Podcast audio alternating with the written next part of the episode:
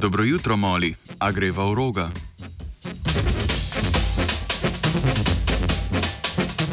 V 80-ih letih prejšnjega stoletja je 3-4 metilen dioksimetamfetamin obnorel klubsko sceno. Ali vam ime MDMA pove več? Ali pa ekstazi, X, cukor in vsa druga imena, ki jih je skozi čas pridobila ta stimulativna droga? Znanstveniki iz Univerze v Ekstru so nedavno raziskovali in preverjali simptome uporabe MDMA z ostalimi drogami, ki jih danes ljudje množično uporabljajo.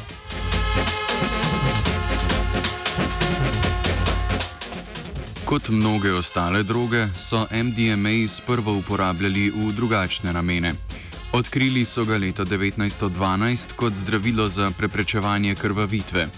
Kmalo potem so mu pripisali tudi ostale psihoaktivne učinke, kot so naprimer euforija, občutek dobrega počutja, želja po komuniciranju z ostalimi ljudmi in mnogi drugi.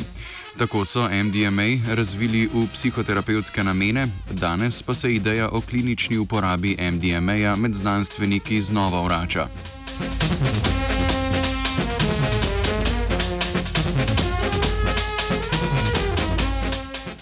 Kako MDMA sploh deluje na naše telo, še ni popolnoma znano. Vemo, da deluje na različne celične receptorje, poleg tega pa vpliva na sproščanje različnih žilčnih prenašalcev. Najbolje so preučili njegovo delovanje na serotonin, hormon sreče. MDMA poveča sproščanje serotonina, poleg tega pa lahko tudi sam neposredno deluje na serotoninske receptorje.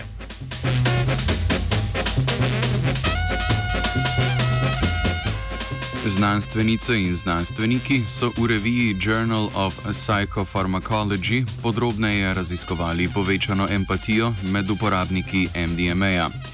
V raziskavi 7, ja, 67 preiskovanci so primerjali tri skupine ljudi. Prva skupina je vključevala ljudi, ki so redno jemali droge, vključno z MDMA. Druga skupina je vključevala ljudi, ki so jemali droge, vendar brez MDMA. Tretja skupina pa je vključevala ljudi, ki so uživali le alkohol.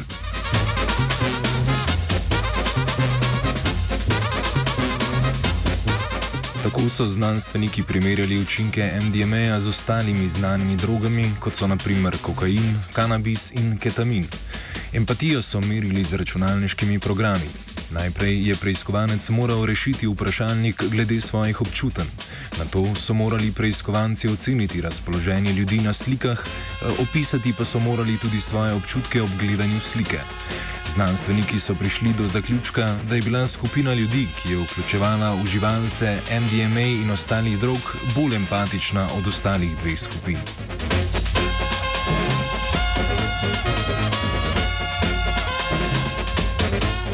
Že nekaj časa je znano, da MDMA lahko za krajši čas poveča empatijo.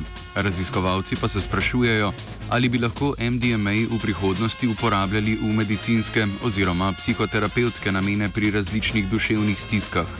Odgovora še ne poznamo, poznamo pa mnoge hude stranske učinke, kot naprimer možganski edem ali srčni infarkt, ki uporabi MDMA v medicini močno nasprotujejo.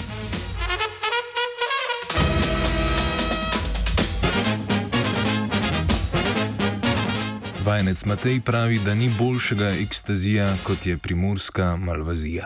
Trde droge od trdih drog, da bi jih morali zdaj še trde droge. V zvezi s trdimi drogami so mednarodno trgovino z trdimi drogami, ne samo zaradi eh, trdih drog, kar zadeva eh, trde droge pri prodajalcem trdih drog. Trde droge so trde. Pojmo nekaj trdega. Ti se pač drugi reči, ti to paše, zaradi tega te ne bo nobeno kaj govorilo.